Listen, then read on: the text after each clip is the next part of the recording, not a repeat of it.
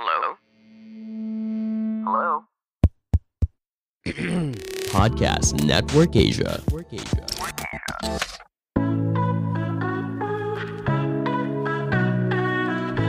Selamat datang di AS Talk.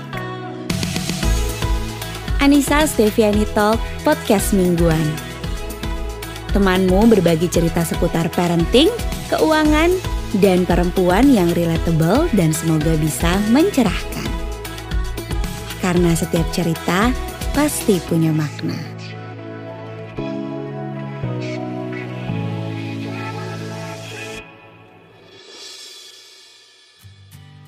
AS Talk didukung oleh Podcast Network Asia.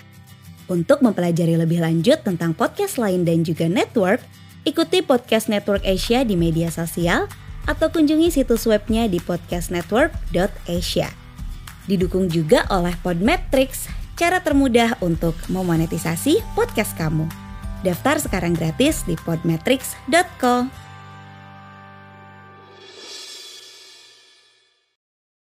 Haga logo, segemu gua agak. Sebelum kalian dengerin episode ini, kenalin gue Sarah dari podcast Cuma Sharing. Setelah kalian dengar podcast ini, jangan lupa mampir ke podcast gue ya. Di sana gue sharing tentang pendewasaan yang pasti semua orang pernah atau bakalan ngalamin. Ditunggu ya di Cuma Sharing setelah ini. See you. Hai. Halo. Kembali lagi bersama kami berdua. Di acara podcast kita. Jadi punya itu ya, jadi punya apa tuh namanya? Eh, bumper. Apa sih? Bukan bumper. Nama acara. Iya apa sih yang kayak tagline tagline gitu? Oh, ya tag- itulah pokoknya lah. Tagline dong. Gak usah dipikirin. Nggak Terus usah dipikirin. mending mikirin apa sekarang? Mending mikirin yang lebih harus dipikirin. Oke. Jadi mau bahas apa nih? Mau bahas tentang yang kemarin rame ya di Instagram aku ternyata rame banget juga sih. Aku nggak perhatiin sih. Kadang-kadang aku emang posting terus tinggalkan gitu. Jarang lihat lagi tapi ternyata pagi ini lumayan rame. Yaitu tentang biaya kuliah. Hmm, kalau aku sih ngelihatnya rame di Twitter ya. Dulu ya. Sebelumnya tuh Hmm. lah ramenya di Twitter. Terus ke bawah ya sama ke Instagram. Lalu aku bawa ke Instagram. Tapi kan aku recheck, recheck. Aku sampai ngobrol dulu sama si jurnalisnya karena pusing banget ya angka ketika di, diperlihatkan dalam bentuk infografis tuh kelihatan angka-angka. Tapi kalau dibikin artikel, eh, ini maksudnya apa kok? Nggak ngerti. Mungkin literasi aku kurang. literasi pada angka. Jadi yang menarik ini juga bukan perkara biaya kuliahnya aja, ya, tapi dia membandingkannya dengan penghasilannya. Jadi ini emang kita bakalan ngomongin uang, ya. Jadi tentang sekolah dan uang. Mm-mm. Gimana tuh sekolah dan uang? Karena ujung-ujungnya jadi pembahasannya ke child free lah segala macem gitu. Ya ternyata permasalahan di sosial media itu banyak turunannya ya. Ah. Awalnya ngomongin tentang pendidikan, terus akhirnya ke gaji eh, orang yang berpendidikan A, B, terus masuknya ke pilihan hidup child free atau enggak harus pingin punya anak banyak tuh masalah malah berkembang gitu. Malah eh, kamu yang sebelumnya tidak punya masalah, yuk kita ikut mikirin masalah ini. iya, padahal masalah utamanya adalah biaya sekolahnya mahal. Kalau bisa diturunin, ayo dong gitu. Masalah utamanya bukan kamu mau anaknya berapa nih sekarang gitu, tapi lebih ke eh kalau kita bigger picture, masalah utamanya tuh biaya sekolahnya mahal, bukan perkara kamu punya anak berapa gitu ya. Nah, tapi kan bikin overthinking ya. Nah, kita mah apa sih yang nggak di overthinkingin? Semuanya deh. Semuanya kalau bisa kita pikirin, kenapa nggak kita pikirin? Ya kata kunci kalau kamu sekarang anak anak gaul zaman sekarang anak muda itu OVT gitu. ya. OVT. Nah kalau kamu search aja OVT di sosial media banyak keluar tuh OVT OVT. Macem-macem jenis-jenisnya gitu ya. Tapi kalau kita karena sekarang yang diomongin anak lagi anak lagi, anak mula yang jadi bahan overthinking kita setiap malam nih dari pas lahir aja nih. Apa nih yang kau pikirin? Kalau punya anak itu apa? Kalau pas pertama kali dia lahir dia kan masuk ke apa ya ICU ya bukan ICU apa sih kalau anak-anak kecil tuh Eh eh, lupa lagi yang inkubator. inkubator Ah, ah. bukan inkubator yang ternyata dia gula darahnya kurang. Iya itu dia masuk inkubator dulu karena dia gula darahnya kurang. Kalau tapi dia nggak sampai masuk ICU. ICU I- buat anak i- tuh nicu, nicu. Nicu. Ya pokoknya dia di- dipisahkan dari Nicu. kamu. Ya lupa lah. ya? Pokoknya dia dipisahkan dari aku. pediatrik Maybe. Icu ya, mungkin itulah. Ah, kurang banyak nonton hospital playlist. lupa lagi. Nah waktu itu kan dipisahin dari kamu berapa jam? 8 jam. Ah, ya Kamu- untungnya cuma 8 jam. Baru kamu bisa ketemu lagi sama dia aku bisa nenek tidur dia. jadi. Ya aku pikir langsung kesehatan. Ya, ah. Pas dia brojol kan dia diambil sama dokter anak dicek kesehatannya. Ya yang aku pikirin pas lemah ya dia tuh lemah lemah kondisinya. banget, kecil banget. 2,3 ya turun aja. 2,4. 2,4 terus akhirnya tiap turun Ah. kan sorenya 2,3 kilogram turun banget eh, jelek banget lah nggak nggak ideal gitu Ah. berat badan ya kesehatan sih yang aku pikirin terus udah udah nggak lama itu terlalu jauh mikirnya Hmm. besarnya dia jadi apa ya nanti Anaknya bayi, anaknya baru lahir. Ya kan, ini banyak banget hal-hal yang eh, belum perlu kita pikirin sekarang. Tapi kita pikirin dari sekarang ya kan nanti kalau anak aku di sekolah dibully gimana ya. Padahal anaknya baru lahir gitu yang mana. Kalau kita ngomongin si overthinking ini, kita overthinkingnya bertahap aja gitu ya. Jadi eh, ke overthinkingan orang ini juga datang dari eh, faktor yang berbeda-beda ya. Kamu overthinkingnya dia bisa nggak ya menghadapi dunia misalnya karena kamu merasa kamu kesulitan Iya. menghadapi dunia gitu. jangan meng- jangan kan menghadapi dunia aku menghadapi diri sendiri gitu berbagai pertanyaan yang keluar Makan untuk siang apa? ah iya bener aku mau mau pergi ke mana weekend gitu kan Hmm. malah jadi masalah bahkan nyebrang aja aku bingung kan Nah, udah harus maju atau belum nih iya, iya, nyebrang iya. gitu kan Saking kurang percaya dirinya. betul Jadi eh, kamu overthinking nanti anak aku jadi anak yang percaya diri nggak ya gitu kan? bisa melawan dunia enggak gitu kan Eh, eh, kalau aku apa ya overthinkingku? Overthinkingku kayaknya lebih ke sebagai ibu sih makanya eh, bukan anakku nanti akan seperti apa tapi apakah aku menjadi ibu yang baik atau awal ya waktu dia berlahir ya. Aku tuh overthinkingnya kebanyakan ke dalam diri gitu. Ini aku tuh doing the right thing apa enggak? Apakah aku sudah cukup apa enggak ya gitulah. Kurang merasa kurang terus sebagai ibu dan itu dipikirin banget gitu. Nah pemikiran-pemikiran yang pada akhirnya mungkin terlalu over dan menjadi overthinking gitu itu kan faktornya tuh banyak banget gitu. Menurut kamu karena apa aja tuh? Ya pasti kalau lihatnya ke aku sendiri Ah. nih ya pengalaman aku ya ekonomi sih. Ah ekonomi aku waktu kecil kurang baik ya pasti aku mikir nanti dia eh, kesehatannya gimana? Karena waktu kecil ya cuma pakai akses askes doang ya. Askes juga nggak bisa ke dokter swasta gitu. Terus pendidikan kan mahal banget pendidikan gitu. Beda dengan orang yang ekonominya kurang baik. Mungkin eh, pemikiran di kesehatan sama di pendidikannya nggak terlalu overthinking ya. Duitnya ada gitu. Terbalik sih gimana ya gimana? Gimana sih kamu maksud kamu gini kan aku luruskan ya. Oke. jadi maksudnya setiap orang punya pemikiran yang beda-beda itu bergantung ekonomi latar belakang keluarga culture hal-hal eh, yang dia sulit hadapi sehari-hari gitu ya. Itu akan menjadi faktor krusial gimana kita memikirkan anak gitu. Orang-orang yang ekonominya baik secara ekonomi tidak ada masalah sama sekali dia mungkin bisa advance tuh mikirinnya kesehatannya tuh gimana, dokter tumbuh kembang, gizi, segala macam itu bisa lebih dipikirin. Pendidikan tuh udah yang lebih advance juga mikirinnya. Tapi kalau orang-orang yang ekonominya masih di bawah, nggak kepikiran ke sana, itu karena yang dipikirin masih bisa makan apa enggak. Sekolahnya nanti beli seragamnya gimana, masih di basic needs gitu. Makanya akan sangat berbeda nih overthinking orang berdasarkan status ekonomi mereka. Ini lagi-lagi karena konteksnya uang ya.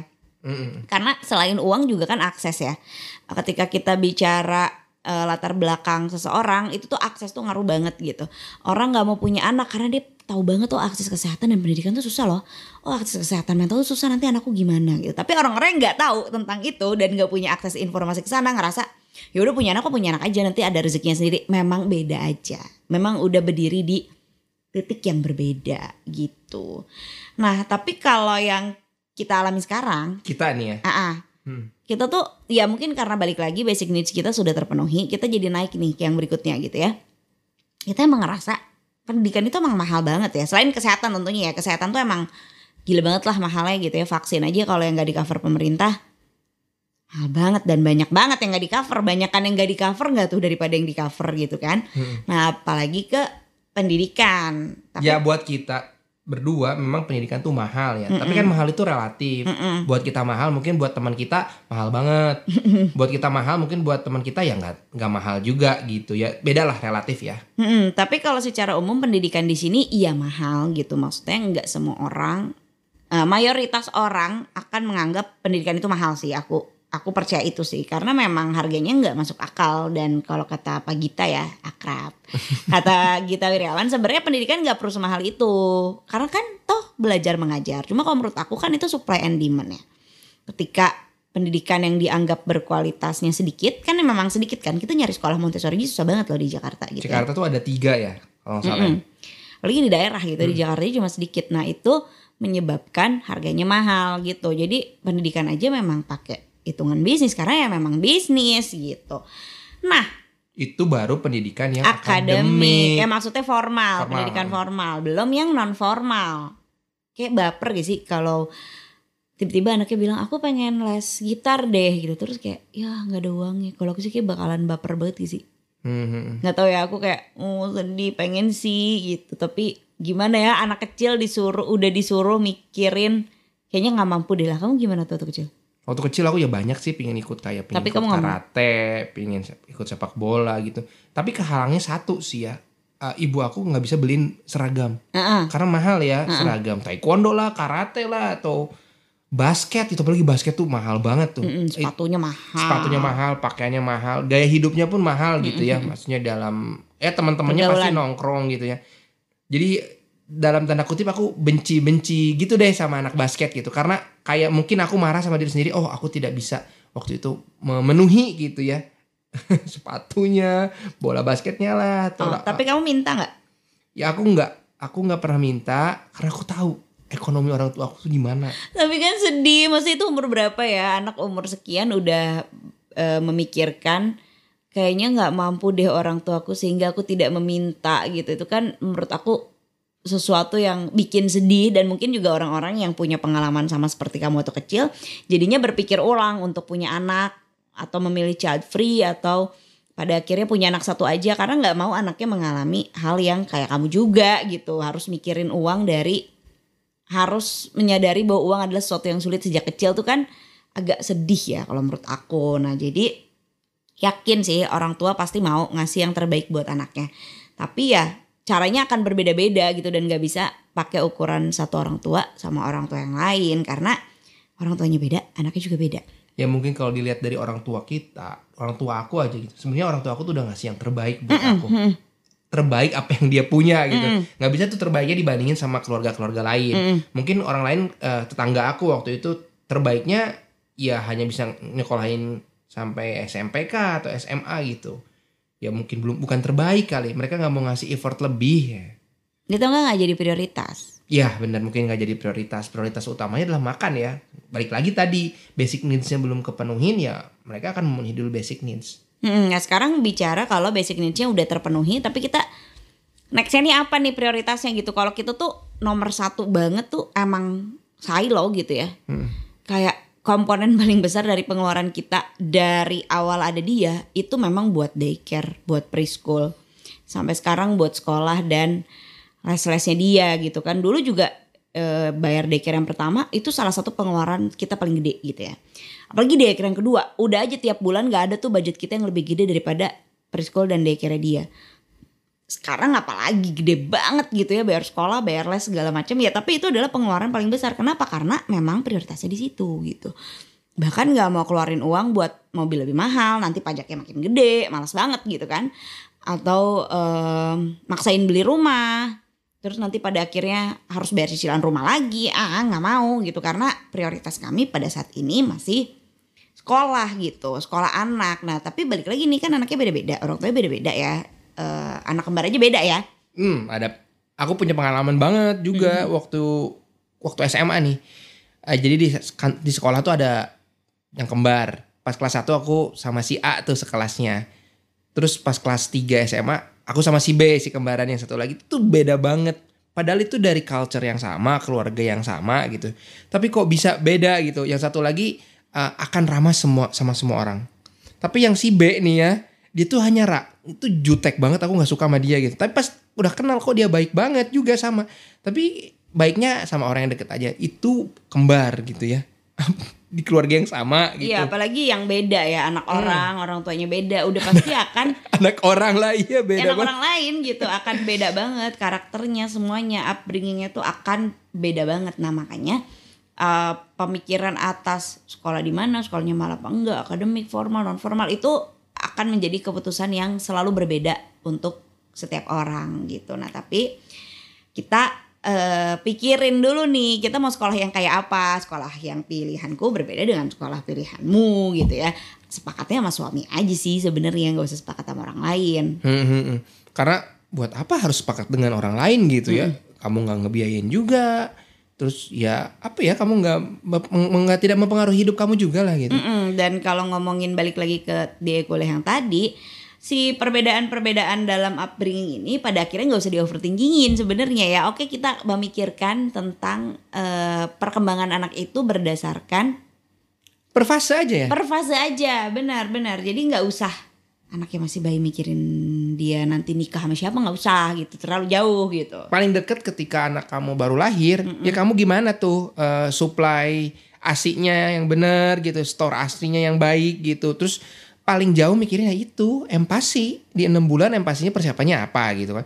Ya enam bulan lah, enam bulan satu tahun fase yang menurut aku ideal gitu ya untuk kamu overthinking kan gitu. Kalau nanti kuliah di mana, wah terlalu jauh. Iya, tapi kalau ngomonginnya uang emang harus dipikirin dari sekarang justru karena kita nabungnya perlu jangka waktu yang panjang. Nah, jadinya kalau ngomonginnya biaya kuliah yang tadi kita omongin di awal, kita set aja ngomong sama pasanganmu mau kuliahnya di mana, kayak apa, perlu uang berapa. Nah, itu mulai ditabung dari sekarang. Itu kalau konteksnya uang, tapi nggak perlu sampai dipikirin nanti dia kuliahnya uangnya cukup nggak ya, segala macam kan udah terukur gitu harusnya. Dari sekarang sisanya kamu tinggal menjalankan sih rencananya itu aja. Jadi itu dua hal yang berbeda ya. Tadi kalau misalnya ngomongin overthinking tentang apa ya perkembangan anak ya jangan terlalu jauh ya. Tapi kalau masalah duit memang harus dipikirin jauh, jari. karena uang itu eh, waktu adalah sahabat terbaik dari uang. Oh is best bestie. Besti banget mereka karena ya itu tadi nabung kuliah 18 tahun beda cerita sama nabung kuliah 3 tahun gitu. Jadi kalau soal uang ayo dari jauh hari. Tapi kalau yang lain-lainnya nanti dia waktu SD dibully nggak ya padahal anaknya masih bayi nggak usah nggak usah dipikirin gitu. Mikirinnya sesuatu gitu kan. Nah tapi eh, sebenarnya kalau ngomongin sekolah ini ya apa sih yang paling kamu pengenin gitu dari anak sekolah tuh apa sih sampai harus disiapin biayanya dari awal jadi porsi pengeluaran terbesar Ya kalau pengalaman aku sih waktu kecil aku emang apa ya eh, kayak tertekan harus belajar gitu kan. Kurang happy lah, kurang happy lah. Belajar tuh kurang happy. Eh, pengalaman kedua aku mendapat pendidikan itu kurang happy ya SSD ya. Kalau TK sih cukup menyenangkan lah karena TK mang ngasih on kali kamu ya cuma nyanyi-nyanyi doang, gurunya main piano kita nyanyi bla bla. Fales kali aku waktu itu. sekarang aja males Terus oh harus perform joget-joget, minum susu bersama, nggak banyak tekanan. Itu SD itu udah menurut aku ya buat aku sendiri banyak ya, trauma ya kamu ya banyak trauma. Jadi aku pingin juga dia happy sih sekolah tuh aku pinginnya anak itu happy. Mm-mm. Dan itu kita menyepakatinya bersama dan kamu juga mungkin bisa menyepakatinya berbeda ya dengan pasanganmu. Jadi kalau aku dan kamu pengennya em, gimana biar dia sekolah itu dengan bahagia di tiap jenjangnya gitu kan. Makanya cari preschool yang sebisa mungkin bikin dia happy. Sekarang SD juga ya ampun happy banget gitu ya sampai dia sekolah 8 jam ya. Mm-mm. Ditanya eh, malam-malam tuh dia jawabnya kayak aku tuh kayak sekolahnya tuh kayak only for 20 minutes gitu. Kenapa sih aku sekolah bentar banget saking happy-nya dia di sekolah. Tapi kalau lihat orang dari luar nih ya, sekolahnya saya lo jam berapa? Dari jam 7 sampai jam 3. Oh, lama, banget, capek banget. Pasti tanya anaknya, enggak seneng banget. Kayak cuma 20 menit katanya dia sekolah ya ampun karena memang dia bahagia menjalani kehidupan sekolahnya gitu. Jadi pada akhirnya aku cuma pengen dia menjalani kesehariannya dengan bahagia. Makanya yang ditanya kalau pulang sekolah atau sebelum tidur itu belajar apa tuh ya nggak dulu gitu ya. Maksudnya ditanya tapi nanti yang pertama kali ditanya adalah happy nggak, ada yang bikin sedih nggak, ada yang mau diceritain nggak hari ini. Perasaannya dulu karena itu dulu dia yang penting gitu. Belajar apa mah? Ya udah lah ya belajar apa sih? Pembagian gitu. Ntar juga nggak sekarang aku juga ngajarin pembagian belajar lagi karena kayak eh, gimana sih? Lupa gitu kan. Dan nggak apa-apa juga hidup aku baik-baik aja. Jadi memang nggak terlalu fokus ke akademik. Tapi mungkin ada ya kalian yang emang overthinkingnya tuh sama. Pokoknya anakku harus jadi paling pinter juara umum olimpiade di Jepang. Ya siapa tahu juga ya. Ada juga mungkin yang kayak gitu gitu. Tapi kalau aku dan kamu tidak ya. Ya tiap orang punya value-nya masing-masing ya. Value kita ya memang anaknya tuh happy gitu. Ah, jadi yang kita pikirin banyak itu gimana caranya dia happy di sekolah. Ya tapi kan happy itu juga tergantung juga loh. Uh, happy-nya tuh mau ke level mana? Tergantung apa? Tergantung duit lah. Bener gak sih kalau misalnya memang kamu anaknya pingin happy gitu dan duit kamu terbatas ya pilihan kamu pun juga akan terbatas. Iya berarti bukan ke happinessnya tapi lebih ke pilihannya terbatas gitu ya. Kalau masalah happiness kayaknya anak-anak mah dikasih main di rumah asal diberikan kebebasan dan gak banyak diatur juga kayaknya happy sih. Tapi kalau untuk kalau konteksnya pilihan ya memang dengan uang yang lebih banyak pilihannya jadi lebih banyak gitu. Tapi lagi-lagi nih ya.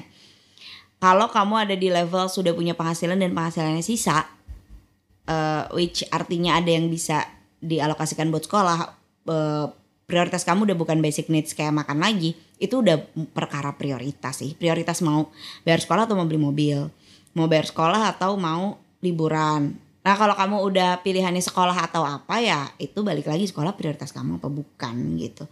Kita nggak ngomongin orang yang uangnya cuma cukup buat bisa makan gitu ya. Tapi kita sendiri ngelihat ya eh, teman-teman kita yang mobilnya keren-keren banget, tasnya mahal-mahal banget. Aku pernah tuh eh, temen aku tasnya tuh mahal gitu ya, tasnya brandednya tuh bukan branded kelas bawah ya. Tiga digit harganya apa masih dua, Dua dua- digit. Dua digit. Tapi, dia bilang sekolah aku mahal, sekolah anakku mahal kayak kan cuma sepersekian dari tas lo aja gitu. Cuman dia bilang mahal, berarti kan prioritasnya nggak di situ Iya, gitu. ya, ya, Ya itu. Teman aku juga mobilnya bagus, bagus banget ya mobil baru. Iya harganya mahal banget lah. Terus ketika nanya sekolahnya berapa ya aku tak jawab sekolah anak aku segitu. What ini sebenarnya lebih murah banget dari mobil kamu gitu kan? Nah, Jadi jauh banget tapi Jauh mobil banget, kamu gitu. iyalah, mobil Kayak dia. bisa sampai lulus nggak tuh beli mobilnya? sampai saya lulus bisa. Bisa, bisa, kan? bisa. Nah. Heeh. Nah itu dia kadang-kadang tuh beda-beda gitu atau enggak aku ngelihat orang tasnya sampai tiga digit misalnya gitu ya. Tapi anaknya sekolahnya enggak di tempat yang tiga digit juga Hmm. gitu. Anaknya sekolah di tempat yang ya udah biasa aja. Iya mungkin emang prioritasnya nggak ke situ gitu. Nah kita lagi ngomongin itu ya kita nggak lagi ngomongin orang-orang yang masih harus memilih antara makan atau tidak. Tapi kita harus memilih beli tas atau sekolah, liburan atau sekolah gitu. Jadi ya itu. Sama juga ada temen aku bilang ke aku gitu. Sekolah mahal-mahal paling buat di-upload di sosial media kalau anak sekolah sini eh maaf gitu. Enggak, Enggak, sih. kita enggak share juga sekolah kita di mana dan harus di aku nekanin juga bahwa kita tuh milih sekolah bukan karena mahal, kita mahal gitu pilih enggak. Kita Kebetulan sekolah yang kita mau lumayan mahal dan itu bukan sekolah yang mahal banget juga ya. Sama mobil di jalan aja lebih mahal mobil ya. Itu kita pernah bilang, ya ampun sama Avanza tahun berapa aja tuh masih mahalan Avanza kok. Avanza lama ya, bukan Avanza baru gitu. Cuman kan emang prioritasnya nggak ke situ gitu. Apalagi kalau yang bilang, nah, sekolah mah cuma demi gengsi orang tuanya. Gengsi tuh apa sih? Apa sih? Gimana sih maksudnya gengsi gitu? Kalau kamu sampai pilih sekolah karena gengsi kamu ya kamu yang salah. Kalau orang-orang itu sekolah memilih sekolah di sana karena gengsi mereka ya mereka yang salah. Tapi kalau aku memilih sekolah itu dan kamu bilang karena gengsi kenapa kamu nuduh aku gitu kan? Jadi kayak nggak gitu nggak gitu gitu. Nah tapi karena kita nggak concern akademik ya dan sekolahnya aja tuh nggak concern akademik sama sekali ya kalau menurut aku ya lebih concern ke emosi perasaan em, kemandirian sekolahnya saya kan gitu ya percaya Kalau- diri. Kalau misalnya kita baca juga keseharian dia itu adalah mencuci piring sekolah kan eh, makan beberes terus eh, ketika ada pelajaran yang tanda kutip akademik gitu dia mempelajari sesuatu juga itu eh, harus apa ya man- namanya dengan keseharian aja. Ketika mulai eh, ngambil aparatus dia membuka karpetnya ditutup dirapihkan kembali menyimpan gitu kan eh, bukan yang akademik semua tapi bagaimana dia dibangun mentalnya kebiasaan positifnya kayak gitu. Iya habitnya. Jadi menurut kamu kalau kamu nih ya akademik itu penting apa enggak? penting sih. Penting sih penting penting penting. Kalau ini pengalaman aku ya pen- kenapa penting? Karena ketika aku mendapatkan nilai yang let's say nggak bagus banget lah bagus aja ya aku bisa masuk sekolah negeri. Kenapa uh, pingin sekolah negeri murah. Karena buat keluarga aku aku waktu itu uh, kalau aku masuk swasta wah berat banget sih ekonomi buat buat buat, uh, buat keluar- orang tua aku lah. Makanya buat aku sih pi- pinter tuh penting. Mm-mm. akademik tuh penting. Nah eh, sekarang pertanyaannya anak pintar di sekolah kamu dulu ke mana?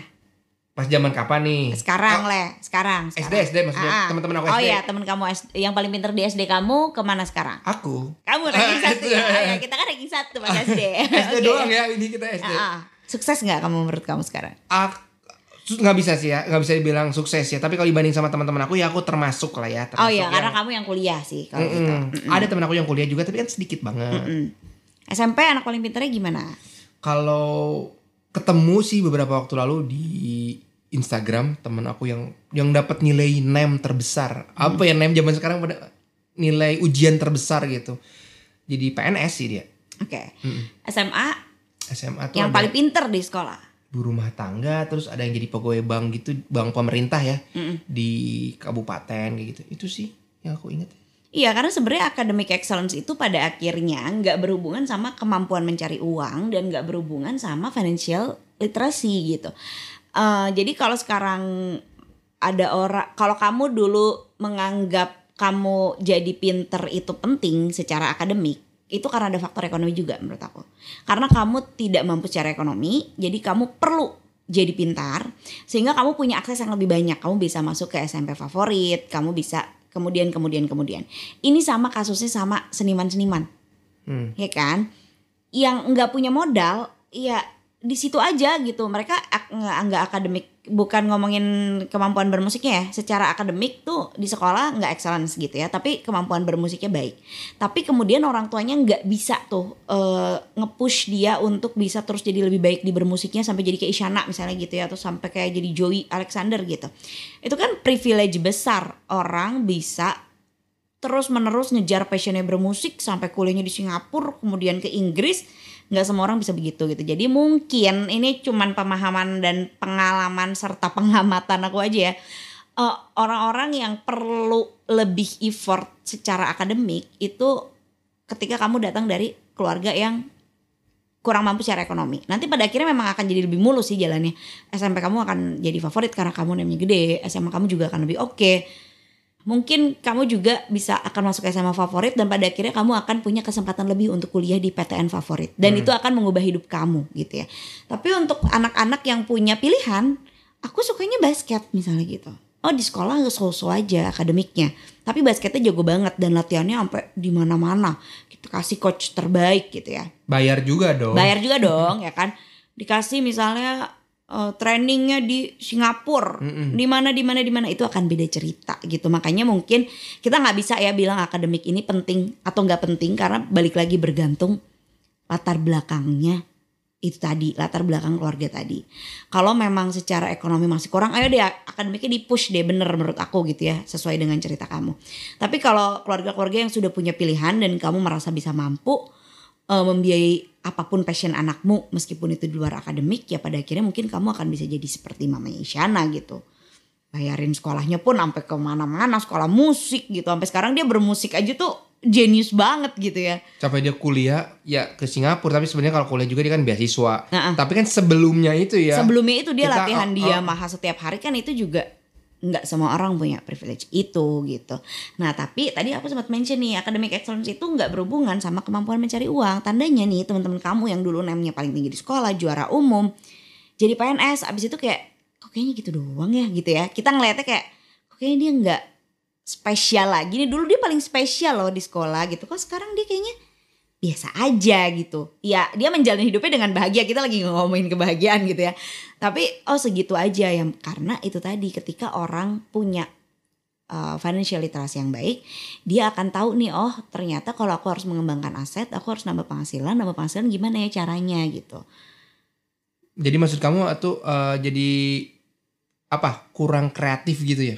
Bisa jadi kurang kreatif karena academic excellence itu kan kita di set untuk melakukan hal yang sama, ada aturannya, terus menerus mengikuti aturan, belajar dikasih bahan ajarnya. Kamu belajar ini ya gitu. Dia tidak lagi mempelajari hal lain karena yang harus dipelajari ini gitu. Jadi yang kreatif itu temen aku dong waktu kuliah. Ah, ah. Jadi temen aku ada yang memang suka tanda kutip suka bikin trik gitu ya. Eh, laporan Licik maksudnya. licik lah ya. Jadi laporan laporan tugas temennya cuma di, di- dia copy paste edit dikit terus ganti halaman depannya nama dia gitu. Itu kreatif sih sebenarnya dalam tanda kutip juga kreatif. Heeh. Nah, ketika masa kerja dia kerjaannya juga kreatif sih. Kalau Hmm. misalnya aku kerjanya di perusahaan ya, dia kayak bikin eh, apa ya usaha sendiri, Hmm. terus dia eh, jadi konsultan eh, dengan pola pikir yang kreatif dan nggak bagus di akademik membuat dia lebih nge-push dirinya sendiri untuk menghasilkan sesuatu yang apa ya lebih dari yang lain gitu. Mm-mm, karena dia terbiasa juga nyari cara kan sebenarnya. Dia terbiasa nyari jalan yang tidak biasa. Gimana nih biar hidup aku lebih mudah eh, dan gak usah susah gitu. Nah itu kan sebenarnya emang dia melatih kreativitas sejak dulu gitu. Dan nggak tiba-tiba juga dia jadi bisa punya eh, perusahaan sendiri atau jalanin kegiatan-kegiatan kreatif yang lain gitu. Nah tapi bukannya akademik nggak penting ya datang dari aku yang academically excellent. Nggak juga sih kuliahnya nggak di ITB ya. Cuman eh, maksud aku aku dari SD ranking satu sama kayak kamu tapi please note SD-nya memang di kampung banget Ya, gitu ya. kita berdua di kampung banget. ya. Ah, SMP juga aku masih lima besar lah. Eh, SMP aku bukan SMP favorit juga. SMA juga sama tapi aku keterima SPMB which aku itu adalah belajar terkerasku seumur hidupku. Aku terima SPMB IPK aku bagus. Aku adalah mahasiswa teladan yang membacakan janji mahasiswa di saat wisuda gitu ya. Jadi aku Emang merasa kalau yang itu harus pinter ya? apa? Yang baca jan, apa janji Iya itu tuh gitu? yang di ke depan tuh yang IPK-nya paling bagus, bagus yang dong. berprestasi, yang apa gitu-gitu. Kamu Ada- bagus dong. Iya, jadi kayak ada 10 mahasiswa yang ngasih bunga ke orang tua karena mereka mahasiswa berprestasi gitu, perwakilan gitu. Nah, kalau aku sih bukan perwakilan yang paling bagus ya, karena biasanya yang IPK-nya paling tinggi tuh dari sains. Karena sains kan angkanya pasti tuh. Hmm. Ya kalau kamu nilainya 100 kamu akan IPK-nya 3,9 kalau di sosial tuh agak susah lah 3,9 karena semuanya juga analytical gitu kan. Ada- Jadi ada jarang pe- banget yang sampai 39. Penilaiannya nggak nggak exact, ek- penelitiannya exact nggak gitu. eksak ah. tapi aku one of the mahasiswa berprestasi oh, memberi bunga gitu ya nah tapi kan bukannya berarti sekarang aku tidak kreatif Nah itu jadi gimana tuh? Jadi karena aku dilatih sejak kecil untuk tidak melulu iya iya sama aturan. Aku dilatih kritis. Aku terbiasa diberi kebebasan untuk berekspresi bicara. Jadi memang aku dilatih untuk itu. Makanya kita nggak bisa juga untuk bilang akademik nggak penting akademik penting. Gimana balik lagi sih latar belakang keluarga ini yang membesarkan si anak gitu. Makanya kalau sekarang dibilang kalau untuk silo, kenapa akademik tidak penting? Iya bukan nggak penting juga sih, cuman jadi faktor kesekian gitu ya. Kita lebih pengen dia happy dulu deh, lebih pengen dia bisa uh, mengembangkan hal non akademiknya juga dia maunya imbang gitu ya. Mungkin karena kita ngomongnya di 2022 juga ya, opsi untuk hal-hal lain di luar sekolah tuh banyak dan aksesnya mudah gitu. dan pemerintah juga eh, membantu juga ya bahwa tidak boleh ada ranking gitu kan. Ah. Jadi anak tuh akan eh, berkembangnya tuh lebih lebar gitu, bukan hanya mempelajari hal-hal itu aja kayak eh, apa ya kuliah merdeka atau apa sih Sekolah Merdeka. sekolah Eh merdeka, murid Merdeka. murid merdeka gitu. Eh, anak Merdeka belajar. merdeka belajar. Jadi anak kalau kalau kamu anak IPA ya boleh tuh kamu ngambil satu semester masuk ke IPS gitu mempelajari hal yang lain gitu. Ya pemerintah juga di situ ada yang membantu ya. Iya. Nah, capek. tapi selain akademik, sebenarnya kan ada orang yang suka dagang tuh ya. Orang suka dagang kan betul itu harus kreatif gitu. Ada yang sukses, ada yang enggak. Kalau menurut kamu, orang yang gagal atau suksesnya si orang yang suka dagang itu sebenarnya dari akademik juga ngaruh gak sih?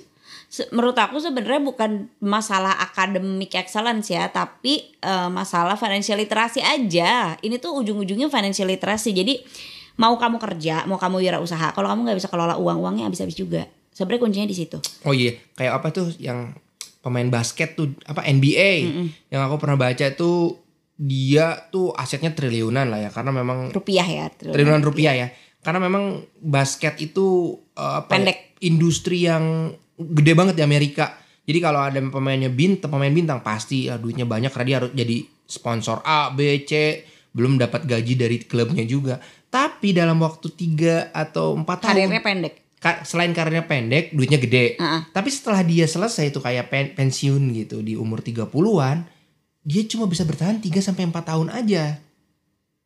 Iya, karena Duitnya dia nggak habis bisa ngelola uangnya kan. Jadi tadi itu masuk banget pas kamu bilang eh, kalau misalnya literasinya bagus ya dia dapat eh, ngelola uang. Berarti dia nggak bisa ngelola uang dong ya? Iya berarti dia nggak bisa ngelola uang dan mau kamu jadi wirausaha, mau kamu pintar, mau kamu tidak, financial literacy itu sebenarnya yang nomor satu gitu. Misalnya kamu eh, PNS, aku nggak tahu sih jangan PNS deh kasih contohnya, aku nggak tahu aturan-aturan dalam PNS soalnya. Misalnya kamu karyawan biasa, kayak biasa tuh kayak biasa gimana? sih? Kayak kamu aja dulu biasa banget kan. Matanya nggak usah gitu dong. Judes banget matanya. karyawan biasa. Maksudnya kamu ya udah hanya menghasilkan dari gaji kamu aja. Ketika kamu nggak punya financial literacy yang baik, gaji kamu itu ya akan kamu pakai tanpa ilmu apa-apa. Ya udah kamu ngikutin orang aja. Orang lain kalau habis kerja tuh beli rumah beli rumah. Oh orang lain habis punya anak tuh beli mobil beli mobil. Kamu tidak punya kemampuan literasi yang baik. Tapi ketika kamu punya kemampuan itu, kamu akan ngerti oh manusia itu perlu earnings ya. Kita tuh perlu menghasilkan uang ya. Dan uang ini akan jadinya mempengaruhi hidup kita ke depannya bisa jadi aset bisa jadi pilihan-pilihan hidup yang lebih banyak kamu akan berpikir gimana nih caranya biar punya uang lebih banyak mungkin kamu akan tambah penghasilannya mungkin kamu cari hustling mungkin kamu akan sambil bisnis mungkin kamu akan nambah aset kamu gitu bukannya beli mobil dulu misalnya gitu. Itu kan bagian dari financial literacy. Atau misalnya kamu ngerasa udah cukup kok uang aku sebagai karyawan aku tidak merasa uangku kurang gitu. Tapi kamu nggak punya kemampuan mengelola uang. Akhirnya utang kamu banyak. Akhirnya kamu ngerasa ya udahlah kan kerja terus juga atau gajian juga kenapa uang harus dikelola gitu. Padahal begitu anak kamu masuk sekolah oh mahal sekolah anak kamu. Kita bekerja di kantor yang sama. Kenapa kamu nggak bisa eh menyokongin anak kamu ke sana gitu itu itu karena perbedaan di financial literasinya makanya kuncinya ini nih mau overthinking uang sekolah anak mau overthinking beli rumah apa pun. Kamu punya financial literasi dulu nggak? Ini akan jadi apa ya akan jadi uh, starting point gitu si financial literacy. Akan jadi fondasi gitu untuk kamu bikin hidup kamu ke depannya. Hmm. mau kamu wirausaha mau kamu PNS mau kamu apa pun bebas. Nah, buat teman-teman juga yang denger nih, jangan lupa ikutin kelasnya dong. Anissa Steviani kelas. yang jarang itu ya karena punya sibuk Jadi bisa di mana? Bisa ngeklik di uh, akun Instagramnya ya. bisa di bio ya Ya, bio aja, jangan Ah, lupa daftar dulu aja tapi ya udah sabar abis itu sabar ya hanya butuh kesabaran Yo inget tuh, kamu wirausahawan, kamu PNS, kamu swasta, pegawai swasta, semuanya perlu literasi keuangan. Masa nggak ikutan kelasnya? nah jadi sebenarnya perlu nggak nih overthinking pada uang Ya perlu nggak perlu sih. Ah, ah. Ya kalau menurut aku sih kayak ada waktunya sendiri lah gitu. Eh, dikasih waktu. kamu dikasih sama psikiater kamu kan Iya betul. Boleh kamu overthinking tapi dikasih waktunya gitu. Ka- Kamu set berapa sekarang? Set misalnya kamu aku mau overthinking hari ini 8 jam. Ya udah tuh 8 jam itu aja Lama mikir. banget. misalnya kalau kata psikiater tuh gini, misalnya kamu overthinking pada biaya kuliah anak karena sekarang lagi rame. Oke, kita set waktu satu jam. Kita duduk. Apa yang dan ditulis ya, mau ditulis mau ditaruh Excel kayak terserah. Tapi kalau aku sih lebih suka ditulis. Jadi duduk. Kenapa aku overthinking? Karena biaya kuliah mahal. Seberapa mahal? Turunin lagi tuh. Kalau mahal jadi harus gimana? Apa yang harus dilakukan? diturunin lagi satu jam deh kamu overthinkingin mau kamu ngayalin apa anaknya sekolah di mana bebas tapi setelah satu jam itu udah kenapa karena percuma mau kamu pikirin 8 jam juga nggak ada solusi segeranya gitu beda dengan eh, keran air bocor kayak kita sekarang kita pikirin sekarang ada solusi segeranya panggil tukang ganti keran selesai. Tapi kalau masa depan itu kan nggak ada solusi segeranya. Jadi nggak bisa juga mau kamu pikirin berhari-hari bermalam-malam nggak tidur bermalam-malam ngaruh. Jadi kalau misalnya memang ternyata kamu overthinkingnya apa ya kayak kurang gitu, kurang kurang eksplosif gitu. Ajaklah pasangan kamu overthinking. kita overthinking bersama Yuk kita overthinking bersama satu jam ke depan gitu. iya gitu tapi emang gak apa-apa kan kita juga suka ya tiba-tiba eh kita duduk dulu yuk kita diskusiin ini gitu Yang bikin menyenangkan dari overthinking bersama itu adalah ada hal yang memang menurut kita menjadi sebuah pertanyaan, pasangan kita menjawabnya gitu. Iya, atau- oh ternyata terjawab di. atau enggak yang bikin kita khawatir Mm-mm. Nah, Karena dia punya point of view yang berbeda dengan kita ya, mungkin backgroundnya berbeda lah. Iya. Kayak aku bilang, sayang masalah uang gini, ah gini aja karena kamu punya point of view yang berbeda gitu ya, ilmunya berbeda juga gitu. kalau masih berantem gimana Kalau masih berantem ya di stop dulu. Kita lanjut ronde 2 besok ya kita overthinking lagi satu jam kemudian gitu. Iya gitu sih Maksudnya itu juga kita baru bisa menyadari hal-hal itu ya setelah berapa tahun menikah ya Kalau dulu mah ya berantem dulu aja nggak apa-apa dijalani Kalau sekarang kan udah enggak ya Ya udah ngapain sih kita berantem? Capek Kita post dulu ya berantemnya gitu kayak. Udah ntar dulu deh akunya panas gitu oh. kan Aku masih marah lah sama kamu tapi kamu bisa ngomong ya. Aku masih Ah, ah. marah lah sama kamu tapi aku nggak mau ngomong gitu. Kalau Ya udah. dulu nggak bisa Kalau dulu tuh diam-diaman gitu ya. Ini kayak topik itu deh Bagus deh topik lagi buat di podcast-podcast kita selanjutnya Gimana kita evolving marah kita dari masa ke masa ya. Marah dari masa ke masa. 9 tahun menikah nanti deh kita akhir bulan ya. Pas anniversary. Oke segitu aja deh pembahasannya udah lama juga ya ternyata. Nggak bisa kita ngomong sebentar tuh. ya udah kalau gitu aku JG. Aku ST, see you. Bye. Pandangan dan opini yang disampaikan oleh kreator podcast, host, dan tamu tidak mencerminkan kebijakan resmi dan bagian dari podcast Network Asia. Setiap konten yang disampaikan mereka di dalam podcast adalah opini mereka sendiri dan tidak bermaksud untuk merugikan agama, grup etnik, perkumpulan, organisasi, perusahaan, perorangan, atau siapa pun dan apa pun.